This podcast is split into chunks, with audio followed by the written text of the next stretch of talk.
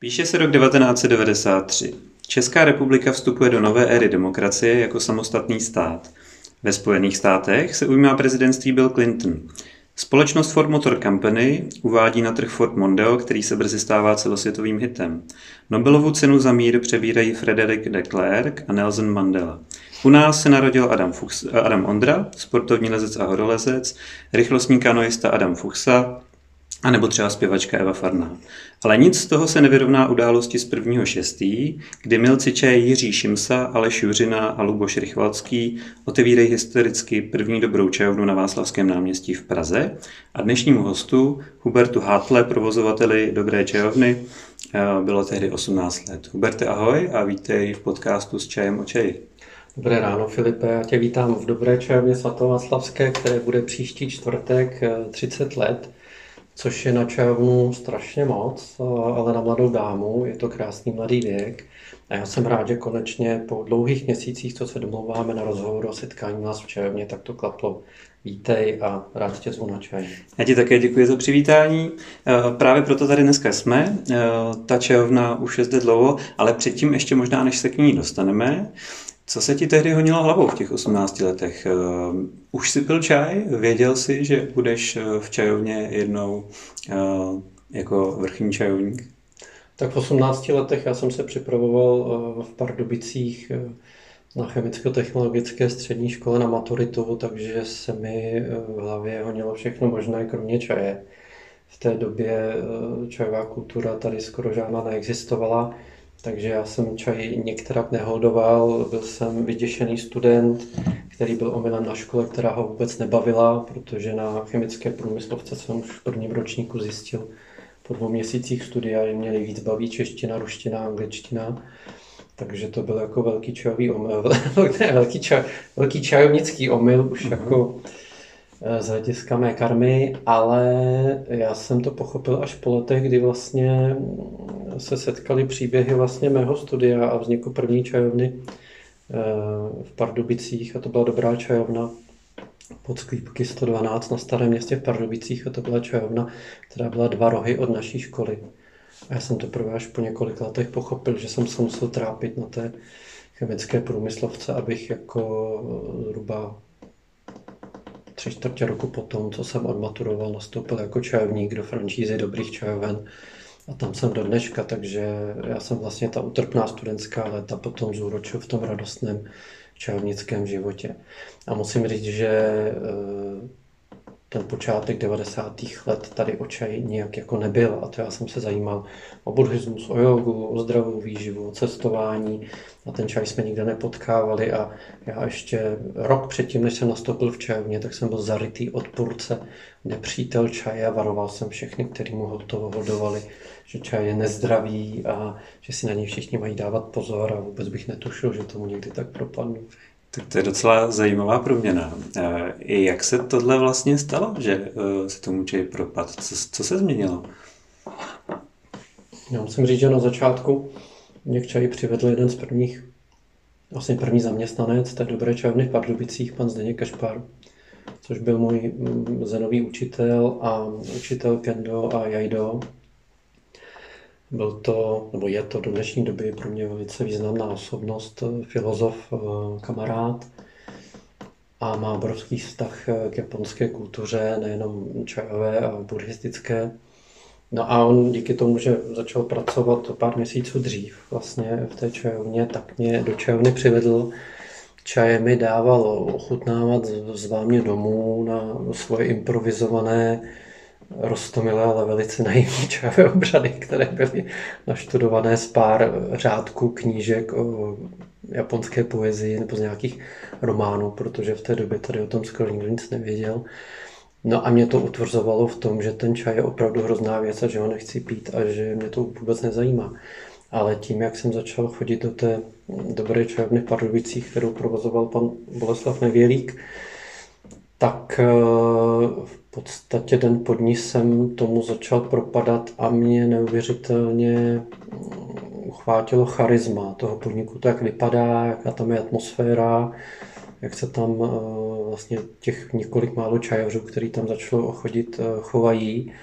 A od první chvíle jsem tomu jako propad jako té atmosféře. Hmm. Ale já musím říct, že ten čaj mě nebavil ještě tak jako skoro dva roky, co jsem v čajovně pracoval. Já jsem to dělal pro veřejné blaho, protože hmm. tam v čajovně nebyla pracovní síla, ti čajovníci to nestíhali, lidem se tam líbilo, viděl jsem, že to má vlastně pro ty návštěvníky velice blahodárné účinky a já jsem tam chtěl být prostě s nima, chtěl jsem být součástí, ale ty čaje mi nechutnaly, nerozuměl jsem tomu, všechno jsem se učil pomocí modliteb a toho, aby to prostě nějak vyšlo, aby ty čaje lidem chutnaly a tak dále. Hodně jsem experimentoval a až tak po dvou letech se mi to najednou otevřelo, já jsem tomu čaji propad a řekl jsem si, že to je naprosto skvělá věc a že se tomu určitě ještě pár let budu věnovat, ale to jsem nevěděl, jako že u toho zůstanu minimálně jako těch 29 let. Že čajovna na Václaváku má letos 30 let a já mám na podzim 29. výročí praxe v Dobré čajovně, což je pro mě jako stejná doba jako e, čajovnická praxe. Mm-hmm. Když se podíváme na tu atmosféru, e, je to dané tím podnikem, tím prostředím, nebo třeba do jisté míry myslíš, že tu atmosféru může utvářet eh, to osazenstvo. To znamená, ať už ty lidé, eh, anebo eh, ty zaměstnanci, kteří tam vdechnou nějaký, nějakou svoji invenci. Je to samozřejmě souhra. Nikdy nic vám nevytváří jako jedna linka. Vždycky to je průsočík různých, různých faktorů, určitě ten interiér hraje obrovskou roli, protože člověk, který v čajovně nikdy nebyl, což dneska těžko si představit, ale na začátku 90. let vejít do čajovny byla velice exotická záležitost. Bylo to stejné, jako když člověk poprvé jel k moři, nebo poprvé začal cvičit jogu, jo. nebo si koupil poprvé zakázaný časopis a tak dále. A najednou to bylo něco velice exotického, do toho samozřejmě orientální hudba, do toho nápoje, které jste nikdy neochutnali, do toho samozřejmě vůně voných dřev eh, a čajovníci, kteří se chovali eh, více tajemně než dnes. Eh, I čajovny byly víc ezoterické, tím nechci hodnotit lepší, horší, prostě v těch mm. 90. to tak bylo, že čajovny byly jako výrazně ezoterické podniky. A samozřejmě čajovníkem se mohl stát jenom někdo, kdo tomu jako propadl, pochopil, o co jde a hrozně ho to bavilo. Takže do toho dal maximum. Takže určitě byl rozdíl, když jste vyšli do čajovny, kde byl někdo, kdo vlastně vám to kouzlo čaje a orientu začal předávat vším, co měl po ruce a něco jiného, když jste vyšli do hospody, kde byl prostě znuděný personál, nebo do kavárny, kde bylo strašné kafe a taky neosobní, neosobní personál, takže to všechno dohromady vytváří to charisma. Určitě to funguje do dneška, ale po tom roce 2000 se určitě čajovny staly větším středobodem obchodu, společenských setkání a takových těch uh, více moderních trendů, než tomu bylo v těch 90. letech, tam ty čajovny. I díky tomu, že se o čaji tolik nevědělo, hmm. nebyl internet, nebyla kvalitní literatura u nás, tak uh, ty čajovny byly více opředené takovým tajemstvím a mystikou ezoterikou a objevováním. Dneska prostě otevřete mobil a všechno víte. Dneska už to není o tom objevování, ale o tom sdílení, o zážitcích.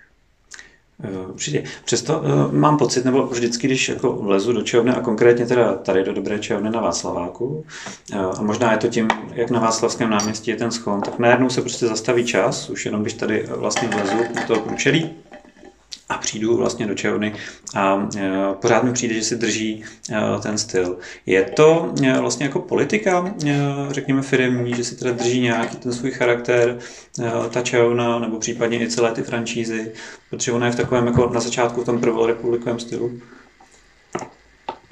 Politika to je, ale není psaná. Mm-hmm. Na začátku vlastně vzniku francízy a s těmi prvními čajovnami jsme měli opravdu jako téma udržet čajovnu v tom odkazu čajových podniků a koloniálních obchodů eh, první republiky, anebo přelomu 19. a 20. století, třeba ještě to Rakousku, Hersko a hlavně zámořské plavby, eh, různé koloniální, koloniální oblasti, koloniální výpravy a tak dále. Eh, pro, samozřejmě pro Evropany obecně tyhle, tahle témata byla vždycky jako relaxační a tajemná, zajímavá. Eh, ví se, nebo vidíte, když třeba se cestuje po zámcích, hradech a tak dál, jak vlastně v posledních 150 letech si hodně knížata hrabata dělali čajové salonky, orientální salonky, nakupoval se hodně porcelán z Číny, z Japonska a to všechno s tím souvisí. Takže eh, to, že se dobrá čajovna situovala vlastně do téhle nálady, eh, jí udělalo dobře, protože se výrazně odlišila od i všech ostatních eh, obchodů s čajem, které jsou třeba po Evropě, které buď to taky žijí ze své tradice, že vznikly třeba v 19. století nebo na začátku 20. století, ale už se modernizovaly, anebo to jsou moderní podniky, které už se vystavily jako moderní obchody a čajovny, třeba v Německu jo, nebo, nebo, eh, nebo v Anglii. A to, která čajovna vlastně si tenhle ten ráz udržela, to už je jako na ní. My to nemáme nějak předepsané, ale je to určitá nepsaná tradice, že ta čajovna má nějak vypadat, má to být směs mezi Eh, architekturou severní Afriky, jako je třeba Maroko, Alžírsko, Egypt a jeho, jeho východní Asie, jo, Indie, Čína, Japonsko. To, kdo si vlastně z majitelů zakomponuje jaké prvky do té černé jeho věc, ale v podstatě Eh, ta čajovna má působit pohodlně evropsky, to znamená koloniálně, proto máme i křesívka, nesedí se jenom na zemi nebo na tatami, ale zároveň tam mají být prvky toho cestování, takže výzdoba azijská, jo, japonské svitkové obrazy, čínský porcelán, nádobí z Asie a tak dále, samozřejmě do toho hudba. Eh, během těch 30 let, co vlastně franšíza existuje, některé čajovny si tohleto výrazně udržely, jiné modernizují ale nikdy to nebylo jako na škodu věci, že by ty čajovny, mluvíme teda o franšíze mm-hmm. dobročajovnické, že by vlastně si ty čajovny jako zkazily svůj charakter a svoje charisma. Jo. Ale v tom, jak si kdo vyzdobí čajovnu, co si tam dá, jaký zvolí barvy, to si volí každý majitel sám. Mm. Ty jsi i naznačil, že potom roku 2000 eh, se čajovny stávají středobodem eh, různých setkání a akcí. Eh, jak se proměnil třeba ten provoz uvnitř? Museli jste něco změnit nebo jedete v podstatě jako nějaký stejný základ? Já musím říct, že do roku 2000 v dobrých čajovnách, protože já jsem dělal jako mnoha dobrých čajovnách po celé republice, jako školící instruktor, tak eh, musím říct, že v těch devadesátkách hodně fungovaly mm, malé koncerty, jo, třeba na šakuhači, eh, bubnovalo se, hrálo se na indické flétny, eh, kytarové recitály a tak dále. Do toho byly hodně přednášky o cestování, třeba s panem Oldřichem Bubákem, se Zdeňkem Tomou, ezoterické přednášky o józe, o třeba Hare Krishna hnutí, o buddhismu a tak dále. Když to potom v roce 2000 se to zlomilo, najednou s nástupem technologií i konkurence, i tím, jak začalo víc chodit lidí do čajoven, víc utráceli, tak se ta setkávání posunula spíš do jako různých team buildingů firmních, že si čajovny začaly eh, pronajímat firmy na nějaká jednání, na setkání nebo i na odborné degustace čajové v rámci, v rámci svých jako zlepšování vztahů ve firmách, začaly se dělat tiskovky nebo autogramiády knih, eh, ukřtila se třeba nová CDčka a tak dál. A i za běžného provozu víc lidí využívá vlastně čajovnu k práci. To znamená, že se tady setkají třeba právníci nebo architekti, nebo eh, nějaké výbory z neziskovek a řeší tady u laptopů jako svoje věci. A já když si vzpomenu, že ještě ke konci 90. let byla neslušnost si přinést počítač do čajovny a když se potom rozvinula moda mobilních telefonů, takže vlastně koukat do telefonu, čekat něco do telefonu, než kvůli jako telefonovat v bylo takřka nepřípustné, obsluha na to upozorňovala, tak dneska to je naprosto běžná věc a spíš se divíte, že to někomu vadí. Když naší čajovně dbáme na to, aby se netelefonovalo na hlas, štamgasti všichni telefonují venku, ale to, aby tady nebyly eh, záři, jako eh, zářivé displeje eh, otevřené, tomu už nikdo nezabrání, to bychom přišli samozřejmě o klientelu, mm. ale já si moc dobře pamatuju, jak jsme vlastně začátkem jako milénia zvažovali, jestli třeba neuděláme reklamu na to, že by sem mohli začít chodit lidi z kanceláří a třeba psát si něco na počítač, mm-hmm. protože to tady vůbec nebylo zvykem. A když někdo přišel s počítačem, tak všichni na něj koukali a stěžovali si, že je to ruší při pití čaje, že ten člověk to má jenom otevřený, že to svítí. Já, my jsme zvažovali, jestli třeba na to neuděláme reklamu a, a většina toho té, té skupiny čajovnické těch zaměstnanců byla proti. No a pak se to tak samo rozvinulo, že najednou jsme zjistili, že naprostá většina zákazníků má ty počítače na tom stole nebo kouká do mobilu a, a už to je naprosto normální věc. Takže my to korigujeme, takže hlavně, aby lidi nehlučili, aby do sebe nestrkali a tak, ale to, že si tady dělají svoji osobní práci, to už my bereme jako přínos, protože to je významná část klientely. Jo, přináší to klientelu dopoledne po obědě a kolem oběda a my jsme samozřejmě za to rádi. Jo, těžko si představit vlastně dneska už i podnikání bez hmm. technologií. Že? Tak oni si sem jdou třeba i zároveň odpočinout, nebo je to prostor, kde se můžou, řekněme, jako zafokusovat že na tu svoji práci, jsou, jsou nerušený eh, tím okolím eh, třeba v korporátu, dovedu si to představit, taky jsem občas takhle vyšel, takže, a právě pracuji v korporátu, takže to moc dobře znám, uh, takže určitě, proč, proč ne? Když zmíním... Já bych jenom přerušil. Aha já nepracovat v čajovně, tak tady s tím počítačem sedím taky. Jo. a piju Gyokuro a dám si kuskus a občas si přečtu stránku z nějaké buddhistické knížky mm-hmm. z pultu a pak si dělám, co potřebuju na tom kompu. Takže mm, určitě jo. Mhm. A e, byla třeba poptávka, teď napadá, e, že by někdo řekl, ale potřebuji tady mít obchodní jednání a chci ho mít v čajovně, máte tady nějaký salonek nebo nějaký prostor, kde bych se mohl zavřít a být tady na hodinu e, sám v klidu? Hmm, zavírací místnosti nemáme, my mm-hmm. jsme proti tomu, protože máme tady ten salonek pro 8 mm-hmm. lidí, v kterém teď sedíme, obehnaný vlastně dvěma velkými okny, v, kterýma, v kterých bývá výstava z prodejních starožitností a okolo jsou bambusy zpívají tady kosáci venku, je to moc jako pěkný. Ale i když ten salon jde jako zatáhnout, nebylo by sem vidět, tak my jsme proti tomu vlastně zavírat lidi vyloženě jako v salonkách, mm-hmm. protože my chceme, aby ta obsluha vlastně dělala servis zákazníkům a měla perfektní přehled o tom, co se v té čajovně děje.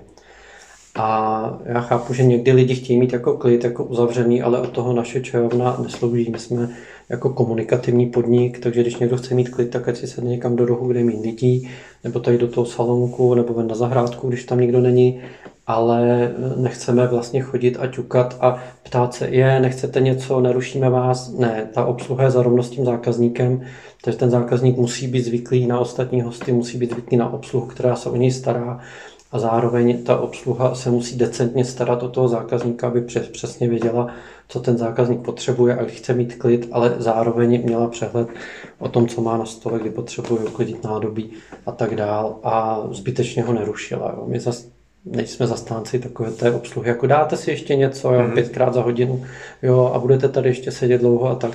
To samozřejmě se tady nepraktikuje. Chceme, aby lidi měli pohodu a aby lidi sami pochopili, jak dlouho mají být v čajovně, kolik toho mají skonzumovat zhruba, aby to odpovídalo nějaké etice vlastně návštěvy restauračního zařízení.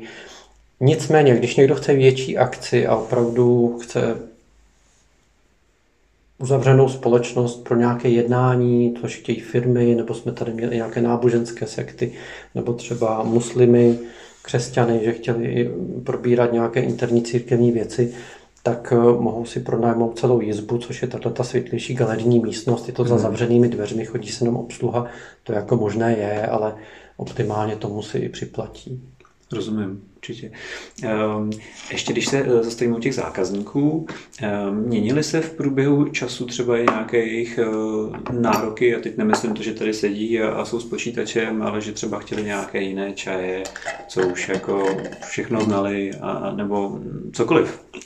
Samozřejmě jako být čajovým štamgastem přináší eh, jakoukoliv křivku vlastně vzdělávání jako v jakémkoliv jiném zájmu nebo oboru. Takže my máme, to musím zaťukat, i 30 leté štamgasty. Mm. Máme tady řadu štamgastů, kteří tady dělají nebo chodí na čaj déle, než já tady pracuju, nebo déle, než tady pracuje nejstarší zaměstnanec.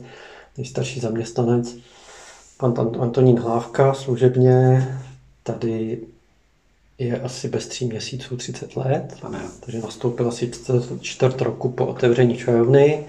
Pak máme asi o dva měsíce mladšího zaměstnance. No a e, já jsem zjistil právě k 30. výročí, že jsem chtěl vyhlásit e, štangasta 30 letí. Tak jsem hledal štangasta, který je jako nejstarší, který jsem chodí úplně nejdíl. Tak jsem zjistil, že máme štangasta, který jsem chodí 29 let když se to rozkřiklo, tak se začali hlásit štamgasti a začali se překřikovat. Tak kdo tady, kdo tady chodí díl, tak záhy jsem zjistil, že máme štamgasty, který sem chodí víc jak 29 let. Pak jsem zjistil, že máme štamgasty, kteří tady začali chodit v týdnu, když se otevřela čajovna. A když už nám vlastně ty štamgasti začínají nosit svoje fotky, že jsou nejstarší štamgasti a chtěli tady vyset na stěnách, tak jsem řekl, klid, klid, klid, já to ještě radši prověřím. A teď, jak se blíží výročí, tak jsem zjistil, že máme štamgasty, kteří tady byli už v den otevření. To znamená 1. června 1993 a od té doby kontinuálně chodí na čaj. A pak, že máme štamgasty, kteří tady byli čaj ještě před otvíračkou. To znamená, že tu seděli smilci, když mm. se dělala dlažba, hrálo se tady eh, na hudební nástroje, dělali se tady večer inspirativní koncerty, aby to jako těm dělníkům ní podsýpalo, když se budovala čajovna. A vlastně tady byly taková, byla tady taková předotevření, že jsme se vždycky dohadovali, který den přesně se ta čajovna otevřela, protože tam hraje roli první červen, což se tvrdí oficiálně, ale 31. května máme Les Jiří Šimsa narozeniny, on tvrdí, že se otevírá na jeho narozeniny. Mm-hmm. Nicméně štangasté, kteří tady popíjeli čaj ještě před tím otevřením, říkal, že čajovna se otevírala minimálně na třikrát vlastně ještě dva dny předtím, když se tady dělali různé akce pro ty lidi, kteří pomáhali a pro rodinný příslušníky a tak dál. A pak toho 1. června se dělalo jako oficiální otevření, kdy se tady stálo už jako nějakých těch oblecích orientálních a čekalo se na první zákazníky. Takže je, už vlastně před tím otevřením tady byli lidi, co dneška tady pijí čaj. Takže máme štamgasty starší než vlastně oficiální otevření čajovny. A v tu chvíli já jsem to vzdál protože bych vlastně do nekonečna řešil, kdo tady byl o hodinu dřív, o minutu dřív, o vteřinu dřív. A prostě budu vyhlašovat tam gasty, které tady jsou plus minus těch 30 let a detaily řešit nebudu, aby nevznikly nějaký jako osobní pře jsem si úplně vybavil teď tu situaci, jak eh, že u, u lisovaných čevů, koláčů se říká, jsou 300 let staré čejové stromy a 400 let, tak úplně jsem teď viděl, jak někdo říká, a já jsem tady byl 40 let, což je vlastně blbost. Že? Mm. Víš třeba, nebo dovedeš si vzpomenout, nebo máte, máte historicky zaznamenáno, jaký třeba čaj, a teď tady, když vezmeme teda ten oficiální otevření, jaký třeba čaj se pil jako první, nebo jaký se prodal jako první? Já jsem nebyl na otevření, já jsem tady v té době ještě nepracoval, mm-hmm. musel bych se zeptat milců. Mm-hmm. Můžeme to doladit při příštím rozhovoru, jestli nějaký bude, ale je těžko říct. Vím, že v první nabídce, v tom prvním čajovém lístku, který měl jenom jednu stránku a bylo tam snad ani ne 10 čajů, tak byl eh, Tiesan, zelený Nepál, eh, teda zelený Větnam, byl tam Nepál, Assam, Černý drak, asi čadmí, jasmínový čaj, takový ten základ. Mm-hmm. Jo, nějaký asi lacený Darjeeling, Ceylon. No a od toho se pak jako měsíc po měsíci a rok od roku vlastně začal budovat jako velký čajový nabídník a ta velice silná velkou obchodní, eh, velkou obchodní Eh, sumáš čajů, kterým vlastně spolek Milsů čaje obchoduje. Eh, já bych jako ještě na začátek chtěl říct, on to málo kdo asi z posluchačů nebo z zákazníků ví, že je potřeba rozlišovat spolek Milsů čaje mm. jako firmu a potom jednotlivé dobré čajovny, které spadají do franšízy dobrých čajoven. Oni si to zákazníci často pletou třeba i v objednávkách, že chtějí třeba obchodní objednávku a volají nám do čajovny, než bychom neobsloužili, ale samozřejmě ve velkou obchodě mají lepší ceny, tak spolek Milců čaje je zakladatel značky. Zakladatel této první čajovny, zakladatel značky Dobrá čajovna. Spolek Milců čaje je dovozce čaje a prodává čaj do celé franšízy dobrých čajoven, kterých je uh, kolem 25 v Čechách, na Slovensku, v Polsku jsou, v Maďarsku a potom 11 nebo 12 v USA. Do toho prodávají čajovny i do různých jiných firm konkurenčních v Čechách i po Evropě, třeba v Německu, ve Švýcarsku, ve Skandinávii a tak dále. Dobrá čajovna, každá, má svého vlastního majitele, který si na základě francízové smlouvy se spolkem Luců čaje musí tu čajovnu držet v určitý limitě a nad tu limitu si ji provozuje podle sebe. My jsme vázáni odběrem čajů ze spolku moců čaje, ale nejsme vázáni tolik interiérem, nejsme vázáni keramikou, eh, přídatným, přídavným zbožím, jako jsou třeba látky, voné tyčinky, mm. jo, někdo provozuje vodní dýmky a tak dále. Takže v tom se to liší. A eh, nutno říct, že vlastně v prvních letech tady opravdu pracovali milci, byla to jejich první čajovna, když založili druhou pobočku, ta byla v Pardubicích, to byla ještě jejich čajovna, to potom prodali asi po roce a půl. Eh, a od té doby už zjistili, že vlastně nechtějí mít jako další čajovny svoje, ale budou prodávat čajovny na klíč jako francízu, takže pak vznikla čajovna ve Frýdku, Místku, v Českých Budějovicích, v Táboře a tak dále. Většinou to bylo skoro jako co rok to čajovna mm-hmm. další, takže to mělo jako plynulý nárůst. No a Kolem roku 2000 odešel Luboš Rychvalský ze spolku milců čaje eh, a tady z čajovny eh, otevřel si svůj vlastní podnik na Poršově, dobrou čajovnu, pak měl svou čajovnu eh, Dahab, arabskou v Dlouhé ulici. Potom odešel Jiří Šimsa tady z čajovny, věnoval se už, jenom rozvoji čajoven pro spolek milců čaje ve světě a v roce 2015 jsem vlastně převzal čajovnu od pana Aleše Juřiny, který mhm. vlastně ji přeprodal. Takže eh, vlastně ten spolek vlastně odešel po dlouhá léta velice postupně eh, z té značky a provozuje ten spolek čaje. Takže tam je potřeba tyhle ty věci rozlišit a téma dnešního ne, když můžeme odbočovat, jak chceme, je vlastně ta dobrá čajovna na tom Václavském náměstí, které my říkáme čajovna matka, protože byla mhm. inspirací a v úzovkách energetickou matkou všem těm ostatním čajovnám, protože většina čajoven vznikla tak, že majitelé sem přišli někdy na čaj, propadli tomu kouzlu stejně jako já té čajovně v Pardubicích a řekli si, je tak něco takového já bych chtěl vybudovat jako u nás. Jo. Stejně jako tady byl člověk jako ze Severní Ameriky na čaj a řekl, je tohle, já bych chtěl vybudovat někde v Pittsburghu, chci si tam prostě vybudovat čajovnu, tak takhle vznikla první čajovna potom v Americe a tak dále. Mimochodem kopie naší čajovny je i v Barceloně, což teda není dobrá čajovna, ale ten člověk tady týdny pil čaj a pak si řekl, tohle já chci vybudovat jako ve Španělsku, tak si udělal čajovnu, která je velice podobná, je moc hezká, ale jako nechtěl značku, tak se na nic neptal, udělal si to po svém a spousta čajoven se takhle inspirovala, takže my tomu říkáme čajovna matka i jako to je v nějakých oficiálních textech. A asi třeba v kontaktu s tímhle uh, pánem z té Barcelony? Byl tady jednou nebo dvakrát, potom mm-hmm. co si otevřel čajovnu ještě na čaj, je to velice sympatický chlapík, eh, dneska mu může být už jako 50, se bych řekl asi jako nám. A já jsem tam teda nikdy nebyl, až tam gastům, co jedou do Španělska, to doporučuju. Měli jsme tam eh, čajovníci a čajovníka, kteří u nás pracovali a byli na pracovních pobytech ve Španělsku, tak si tam přivydělávali v čajovně a měli z toho jako velice dobrý pocit, takže já ty čajovně fandím, nemáme tam samozřejmě žádnou jako, žádný jako špatný, špatný vztahy a by vyloženě chtěl přijet a popovídat si s námi, tak samozřejmě kdykoliv uvítáme na čaji.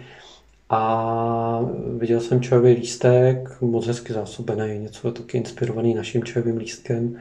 A jiné věci tam má svoje originální vyloženě, jako svoje nápady.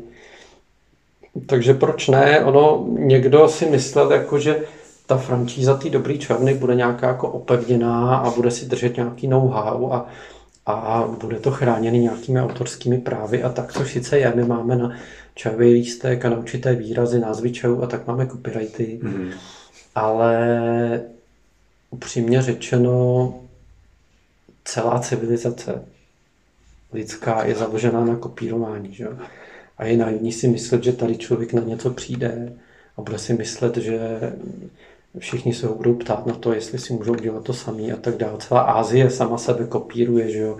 Čajová kultura by nebyla, kdyby vlastně Korejci nekopírovali Číňany a Japonci by nekopírovali Korejce a Číňany a, a Britové by nekopírovali Číňany v tom čaji a tak dále. Takže my samozřejmě i v té franšíze Dobré čajovny kopírujeme tu azijskou čajovou kulturu a britskou čajovou kulturu a, a holandskou a vytvořil se tady takovýhle specifický středoevropský styl. Takže já si myslím, že naprosto naivní se zlobit na kohokoliv, komu se jako líbí naše čajovna. Řekl by si, je, tohle tamhle si chci někde taky jako vybudovat, ale nechce, aby mi do toho někdo mluvil, budu to dělat po svém. Ta doba, kdy už jako chráníme lístek před někým, aby napisovali pryč. Hmm. Jo, to, jsme pochopili v určitý době, že co se týče jako know-how čajovny i know-how toho jako té čajovědy, vlastně co jsou čajezáři, kde se vzali a myslím ty detaily, ne co je zelený čaj a tak dále, ale to, na co přicházíme třeba na člověk expedicích, že nemá smysl si to nějak schraňovat, naopak to musí jít mezi lidi a budovat takový to všeobecný eh, povědomí o čaji a budovat tu Dřív jsem si myslel jako celonárodní a teď už jako vím, že celosvětovou kosmopolitní čajovou komunitu, kdy ty informace už nejsou vzácné, protože kde jaký startuper nebo amatér v čaji si udevře internet, koupí si lacinou letenku kamkoliv do Větnamu, do Japonska, za měsíc pobytu má takových informací, nejenom teoretických, ale i praktických, z plantáží, z manufaktur, že má tisíckrát víc informací, než jsme měli my v 90. letech, hmm. kdy už jsme se tím čajem jako vážně živili. Jo, dneska, já říkám, informace nejsou tajný. Jo, my žijeme z toho, že máme dobré vztahy se zákazníky, máme dobrý čaj za dobrou cenu, bez ohledu jaké cenové relaci a vytváříme harmonické prostředí, ale eh, ohromit někoho tím, že mu ukážeme drahý Gyokuro nebo čaj z divokých čajových stromů nebo top sklizeň Darjeelingu, to už není vzácnost. To si koupí každý na internetu, když trošku umí jako obchodovat. Jo. Takže tam jde o tu komplexní službu, že lidem se v té čajovně líbí, že máme skvělý čaj a že jsme na něj příjemní. Na tom se dá jako leta fungovat. Já si myslím, že v dnešní době, když to takhle vlastně jako se podíváš, ono to není jen tady, ale že Přesně jak říkáš, dneska se to každý může jako všecko najít, všechno si nachystat, eh, být možná i lepší, než vlastně ten, eh, kdo před ním eh, vlastně si třeba založil tu čajovnu, ale je to asi o tom stylu, o tom charakteru, o tom, jak to ten člověk asi dělá, nebo jak vy to děláte. Je hrozně zajímavý posun, já jako hodně komunikuji se zákazníkem, mám rád vztahy, samozřejmě dobré vztahy a pochopil jsem už od začátku, že ta komunikace je důležitá. Samozřejmě musí mít nějaký mantinely, mm-hmm není dobrý tu komunikaci převádět do nějakých jako mm, psychologických terapií a nějakých nekonečných mudrování, které nikam nevedou. To vás odvádí od dobrého čaje i od klidu na čaj, i od dobrého obchodu. Ale popovídat si o filozofii, o čajích, o cestování, o obchodu s člověkem, který jako to má v hlavě srovnané, pro mě vždycky velice vzácná věc. Takže já jsem se na tom i jako hodně učil, že jsem díky tomu poznal spoustu zajímavých lidí a od roku 98 dělám vzdělávací programy. A začínalo to degustacemi čaje, pak když jsem jel do Číny, tak jsem začal dělat cestopisné přednášky o Číně, pak o dalších zemích, jak jsem vlastně se spolkem cestoval různě za čajem, někde jsem byl i sám. A já musím říct, že na začátku vlastně ještě v těch 90. letech ty přednášky byly o tom, že jsme lidem říkali nové věci a oni na to koukali. Prostě. Mm. Pomalu člověk nevěděl, kde je Korea, kde je Větnam. Jo. Teď jsme jim to ukazovali na mapě, tam se dělá čaj. Rozdíl mezi zeleným čajem a černým čajem je tohle a oni to hltali a bylo to jako skvělý. Pak se to naučili, pak už chtěli vidět ty legendy o čaji, šlo se hodně do historie, tisíc let zpátky, přes tisíc let zpátky začaly se ukazovat čajové obřady, nádobí, které tady nikdy nebylo a tak dále. A to bylo všechno hrozně zajímavé. A jako pro lidi. A pak s nástupem technologií, internetu mm-hmm. a pak chytrých mobilů. Vlastně já už na těch přednáškách jsem se setkal s tím, že v místech, já jsem s tím jezdil po celé republice i do zahraničí třeba, mm-hmm. do Německa dělat přednášky, do, do i ve Švédsku třeba tak. A tam bylo zajímavé, že pak v určitý době lidi, kteří deset let chodili na degustace, mi jednou řekli, no my už nepřijdeme a říkám, jako, jako nemáte čas, nebo tak, ne, tak hele, my si ten čaj můžeme koupit na internetu, přečtem si knížku, připravíme se ho sami, my v podstatě už nemusíme k tobě chodit na degustace. Tak mě to přišlo na jednu stranu líto, na druhou stranu jsem si říkal, hele, to je vývoj, tak jako to je vždycky. Má to nějakou linku, pak to má nějakou kulminaci, ty lidi se nasytějí, to je tak ve všem, pak je to přestane bavit, tak se to musí přesměrovat. Tak jsme začali ty degustace dělat jinak, víc jako u těch cestopisech, aby jsme vyprávěli věci, které jako nejsou na internetu a tak dále. Já jsem zjistil, že o klientelu jsem vůbec nepřišel, akorát začala chodit jiná. Začaly hodně chodit firmy, začaly hodně chodit třeba různě jako skautský oddíly, školy se hlásily, že chtějí přednášky o kultuře a tak dále. Takže já jsem měl vždycky dost práce. No ale najednou určitá sorta lidí se fakt přesunula domů s tím čajem a na ten internet a nechtěli se združovat. To jako byl výrazný zlom. No a pak to pokračovalo a poslední leta mi už se začalo stávat, eh, že třeba jsem měl přednášku a už v rámci té přednášky si to lidi googlovali. Že jsem začal o něčem mluvit a oni hnedka, aha, Kagoshima, uhum, uhum.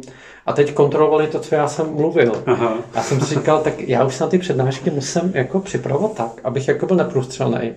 Aby když oni mě, to bylo jako ve škole, to je jenom určitý typ lidí, takový, mm-hmm. já tomu mhm. říkám inženýrský, že potřebují všechno mít přesně, všechno si hledají.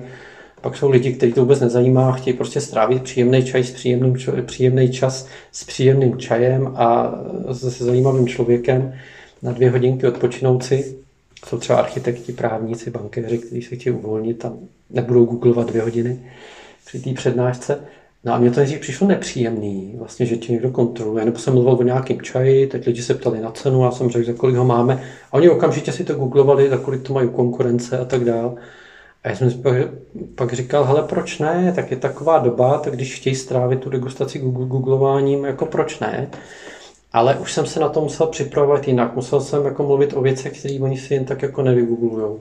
A zaměřit se na prožitek. To znamená, když budu mít zajímavý čaj na stole a zajímavý nádobí, tak to si v tu chvíli jako na internetu nenajdou. To můžou jedině se s námi napít a ochutnat to a vnímat to. Takže ty degustace musely být víc prožitkový. Mm-hmm.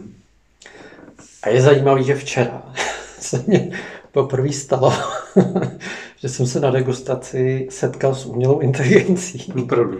Takže ještě než jsme začali, tak se mě zákazník zeptal, helejte se, my máme to téma, protože máme samozřejmě téma degustace jako připravený dopředu. Já mám zákazníky, říkám, chodí sem desítky let, takže my máme degustace typu eh, pro začátečníky všechny barvy čaje, to znamená, to je zelený hmm. čaj, černý čaj a tak dále a opačný spektrum těch zákazníků, kteří chodí už třeba pět let souvisle na degustace, třeba každý měsíc je, že už máme opravdu jako úzce profilovaný jednodruhový degustace, to znamená, že dvě hodiny probíráme jenom gekuru, nebo jenom sencha, nebo jenom sencha z určitý oblasti z Japonska, třeba ze Shizunky, nebo jenom typy mača. Jo?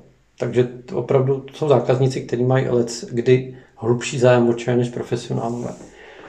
No a tenhle zajímavý zákazník, ortodoxní čajař na japonský čaj. Takový inženýrský typ. Za mnou přišel a řekl, že to téma, měli jsme čaje z Kyushu, jenom, jenom čaje, které jsou jako z jiného ostrova japonského Kyushu, tak mi řekl, že si to už jako projel s umělou inteligencí, ty čaje, ty oblasti, ten tamarioku a ten kamača, a že, že se ptal na ty technologie, jak se to vyrábí a tak. A že v určitých těch oblastech se mu ta inteligence sekla a začal mu odpovídat jako protimluvy a tak dále. A že by ho to teda jako zajímalo, jak to je. Hmm. No, tak já říkám, necháme to na tu degustaci, začali jsme degustovat, pěkně jsme se zčajovali a říkám, tak a teď probereme ty vaši dotazy. A my jsme se vůbec nedostali jako dobře. Mm-hmm. On to myslel dobrým, že si chtěl jenom doplnit nějaké vzdělání. A já říkám, tak o toho jsem tady já, abych vám doplňoval to vzdělání. A pak jsem říkal, hejte se, tak naopak já se rád zase něco dovím, tak co vám ta inteligence říkala. Tak on začal jako vyprávět, co všechno o tom vypsali a já říkám, tak tohle jo, to je pravda, s tím můžu souhlasit, protože to mám načtený a zároveň jsme v Japonsku byli v těch výrobnách. A tak to je. A tady, tady vaří z vody. Ta inteligence to nemá načtený, a nebo je to tím, že v podstatě tam nebyla. A tam jsem měl hroznou radost, že vlastně jsme překonali tu inteligenci. Že jsem si řekl, že tam ona ještě neumí odpovědět, zatímco já jsem na to odpovědět uměl, protože jsme byli v těch fabrikách na Kamača, byli jsme u těch výrobců, co dělají ještě ručně čaj a tak. Tak to mě pobavilo a nejdřív mě to vyděsilo všechno, že vlastně ty zákazníci nebo obecně veřejnost už vlastně získává informace takhle. Což je dvousečný, že na jednu stranu to je obrovská výzva, obrovská příležitost, kapacita, stejně jako když začal internet. Na druhou stranu je to děsivý. Jo. Že člověk se tím nechá pohltit, zlenivý, začne vlastně podlíhat informacím, které jdou z toho éteru, místo aby používal vlastní hlavu.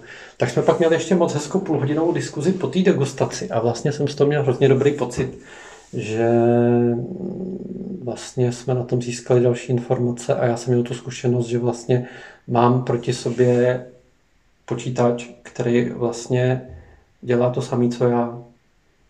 Jo, protože ta umělá inteligence, když můžu trošku odbočit, funguje mm-hmm. jinak než internet, klasický mm-hmm. Google. Tam si něco vygooglujete a ono vám vypadne informace. Tady zadáte vlastně dotaz a ona přemýšlí, jak to udělat. Takže vám dává komplexní řešení. Tak. No a já jsem od včerejška na to myslím a říkám si, mám já to zakomponovat do podnikání, mám se jako strhnout, protože já jsem velice konzervativní člověk. Mm-hmm. Já musím říct, že e, i když část té franšízy e, vlastně eh, dobro čajovnické je konzervativní, to jsou ty starší čajovnické ročníky, ty, co jsou podobně jako já, husákovi ročníky, a pak jsou vlastně moderní čajovníci, ty, co mají čajovnu třeba 5, 7 let. Poslední to jsou mladí lidé, kolikrát pod 30 a ty naopak aplikují vlastně ty moderní věci. Eh, jedou hodně reklamu na internetu, jedou moderní drinky, nadchli se pro bubble tea, jo, eh, zbožňují vodní dýmky a tak dále. Takže já jsem vloženě konzervativní. Jak se stal i na ten styl, tak já, i kdyby dobrá čajovna nebyla v tomhle stylu, tak já ji stejně směřuju do vlastně těch prvorepublikových eh, nálad, protože mě samotnému to vyhovuje. Mm-hmm. Mimochodem, my jsme teď k 30. výročí vydali eh, sadu pohlednic pamětních. Vždycky každých pět let vydáváme nové pohlednice, které mají nějakou čajovou tematiku. Já jsem zvažoval, co stát na ty pohlednice a pak jsem si uvědomil, že jeden z našich 30-letých štangastů sbírá staré obrazy a pohledy a fotky a já jsem u něj vybral sedm fotografií ze starých českých čajoven z přelomu 19. a 20. století a ty jsme vydali vlastně jako vzpomínkový pohlednice. Takže vlastně jsem i zvolil ten pohled jako dozadu, k tomu 30. výročí, ne ten pohled teď a jak to teď tady vypadá, anebo dopředu. Mm-hmm.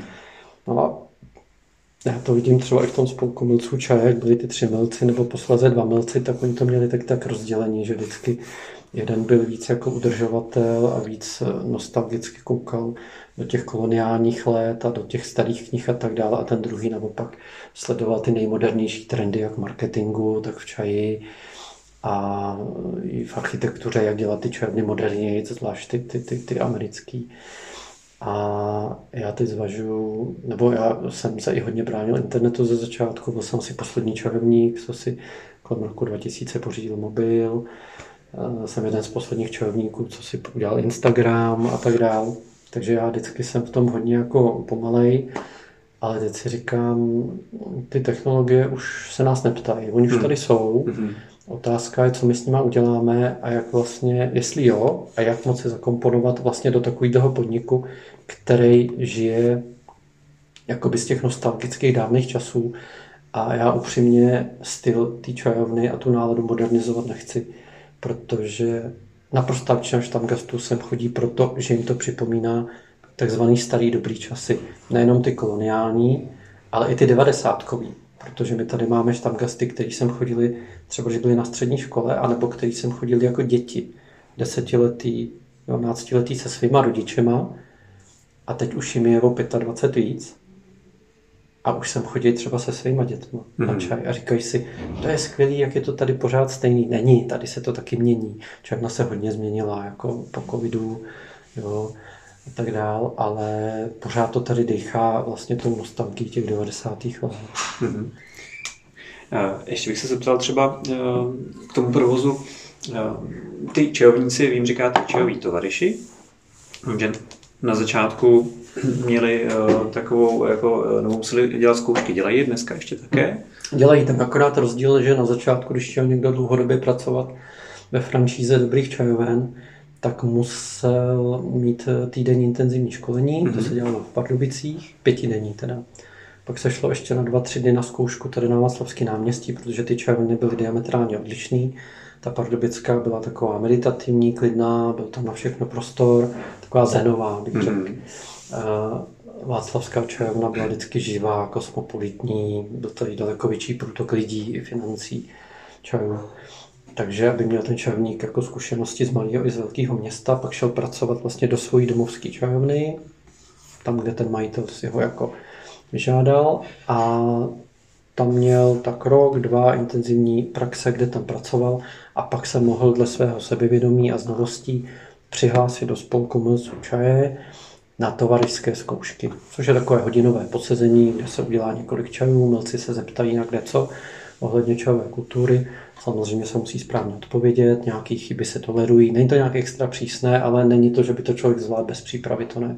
Musíte mít načteno a na připravovaný čaj. No a když to zvládl, tak dostal takový takzvaný tovarišský list. Ty listy většinou vysejí v čajovnách, domovských těch čajovníků někde v obchodě. A výhoda byla, že pak mohl pracovat v, které dobré čaj, v kterékoliv dobré čajovně e, značkové a měl dobré jméno, že vlastně prošel tím školením a má dobré zkušenosti. Někdy po roce 2000 se upustilo od toho školení, ty čajovníky si ty čajovny už na vlastní pěst vychovávali sami, mm. ale to, ty zkoušky jsou pořád. Že po určité době se ten čajovník může, ale nemusí přihlásit těm zkouškám a dostane vlastně tovarišský list, což je takové ohodnocení té jeho praxe počáteční. Je to dobré i pro sebevědomí, je to dobré i pro maminky, že vědějí, že i když ten čajovník nedělá extra kariéru někde v korporátech, tak přece no, má papír na to, že něco dokázal. A je to prostě milá věc, jako společenská, že se člověk jako dostane do takového zdravého stresu při těch zkouškách, podívá se i do spolků, potká milce, jo, nějaký takový vypětější situaci a ve výsledku to všechno skončí přátelsky a Eh, je fakt, že i pro tu další práci je to pevnější pouto s tou značkou. Jo? Ale není to podmínka, že člověk, který chce pracovat v dobré čajovně i dlouhá léta, musí mít tovarišský list. Jako není. Hmm. Dřív to bylo výrazně doporučeno, určitou dobu to byla podmínka, ale po určité době, kdy už jako byl i problém se zaměstnanci na trhu, i s tím udržet vlastně čajovny v určitý zajímavý jako obratový frekvenci, v určitý finanční hladině, tak eh, se od toho pustilo, protože by to omezilo výraznou část zaměstnanců. Oni by sem pracovat nešli, kdyby to byla podmínka. Mm-hmm.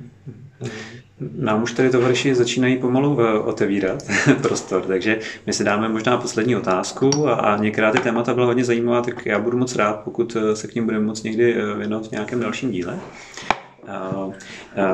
Co nás tedy čeká teď k tomu výročí? Co plánujete? 1.6. čtvrtek bude celodenní program. Když zveřejníš rozhovor do té doby, tak můžu pozvat všechny posluchače.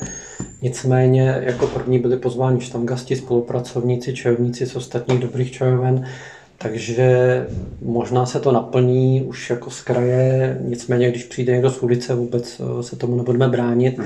ale prostor vlastně čajové jizby, tady kde budou přednášky, není nafukovací, takže rezervace neděláme, kdo dřív přijde, ten bude mít posezení, ale na druhou stranu nikdo tady nebude celý den, takže si myslím, že většina hostů se aspoň na část programu vejdou s tím, že od desíti dopoledne do zavírací doby bude téměř souvislý program sestavený ze štamgastva, protože téma oslavy je velké čajové ohlednutí, takže já jsem vlastně jako přednášející a vystupující pozval samé štamgasty, aby se vlastně podíleli eh, na tom programu, protože tady s náma celou dobu byli. Takže v 10 hodin bude uvítání, eh, v 10.15, v 10.30 začne přednáška eh, Jakuba Zemana, japonologa o japonské ečové kultuře v dějiných a náboženských souvislostech. Potom bude čajový obřad podle školy Urasenke, podávat se bude čaj Usuča, paní Markéta Reiter eh, Fujita, potom bude setkání s milci, čajové uhlédnutí do historie dobré čajovny a vize do budoucna, to mm-hmm. zajímá tebe hlavně. Eh, následovat bude povídání o účincích čaje na zdraví a genetiku, pan Milan Calábek, léčitel, filozof, divadelník. No a pak bude hudební večer, eh, v 18 hodin manželé Havlovi, Zlatí slavíci, eh, hudba k čaji. Potom bude Patrik Pelau, náš významný štangast, 30 letý, recitál na trubku, čajové ohlednutí, no a po zavíračce bude meditační hudba, ambientní koncert Petr Korbelář a Jan Kotulán, indická flétna a meditační kytara. Hmm, tak to bude poměrně nabité. Vstup je volný, na čaj všechny zvu. Kdo se nevějde na program, tak budu mít i jeden nebo dva degustační stolky v čajovně, kde se bude dělat degustace pro příchozí, aby bylo kolem čeho diskutovat. A myslím, že přijdou nějaký hosté, co třeba přinesou nějaké zajímavé vzorky a e, zapředou se do těch jako diskuzí a do té volné zábavy, protože já chci mít i takovou tu volnou zábavu, nejenom tu řízenou. Takže koho nebudou bavit přednášky a koncerty, tak může sám připravovat čaj pro ostatní, mm-hmm. anebo e, si popít nějaký čajový vzorky, které běžně ne, nejsou jako u nás e, ke koupi. Super, super, paráda. Děkuju. No, my jsme si na závěr s Hubertem eh, pro naše posluchače připravili eh, soutěž eh, o nějaké hodnotné ceny.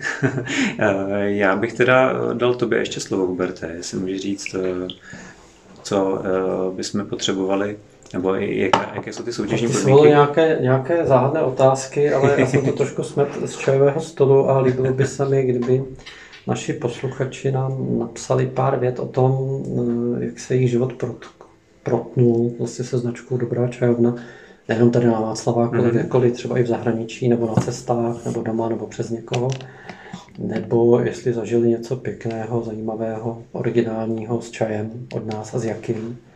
A napsali nám o tom pár vět a my bychom teda neposuzovali, kdo je nejlepší, ale udělali bychom spíš vylosování, ať rozhodne eh, vesmír o tom, kdo má dostat cenu. Vyberu nějaký dobrý, zajímavý, aktuální čaj pro, mm-hmm. pro tři vylosované, takže kdo má nějaký zajímavý zážitek, ať z čajovny, nebo s čajem, nebo se značkou Dobrá čajovna, nebo s nějakým e, zajímavým charismatickým čajovníkem, tak ať se nám ozvou písemně nebo osobně tady u Filipa. Tak eh, e-mail to bude s čajem očej, nebo respektive s čajem ocej zavináč gmail.com. Eh, já ještě potom po uvedení tohoto podcastu tak eh, ty informace zveřejním. A, a do kdy jim dáme čas? Do poloviny června? To je klidně do konce. Do konce června. Dobře, takže do konce června posílejte... Aspoň měsíc. Aspoň měsíc. Do konce června posílejte co vás spojí eh, s dobrou čajovnou, ať už tady, anebo s celou sítí. Dobrá, Huberte, děkuji moc za dnešní rozhovor a měj se krásně. To je mi ctí, dneska jsme popili čaj z divokých čajových stromů. Gushu Hung z Yunanu, z hory King Mai, snad ti chutnal. Byl výborný. Pro mě byl velmi inspirativní. Je to rok 2019, takže já ho mám rád jako porhánu na rozproudění té pravé čajovnické energie. Díky za návštěvu a těším se na příští rozhovor. Děkuji moc, eh, čaj byl výborný a krásně mě nakopl eh, do dnešního dne. Měj se hezky, ahoj. Čaj.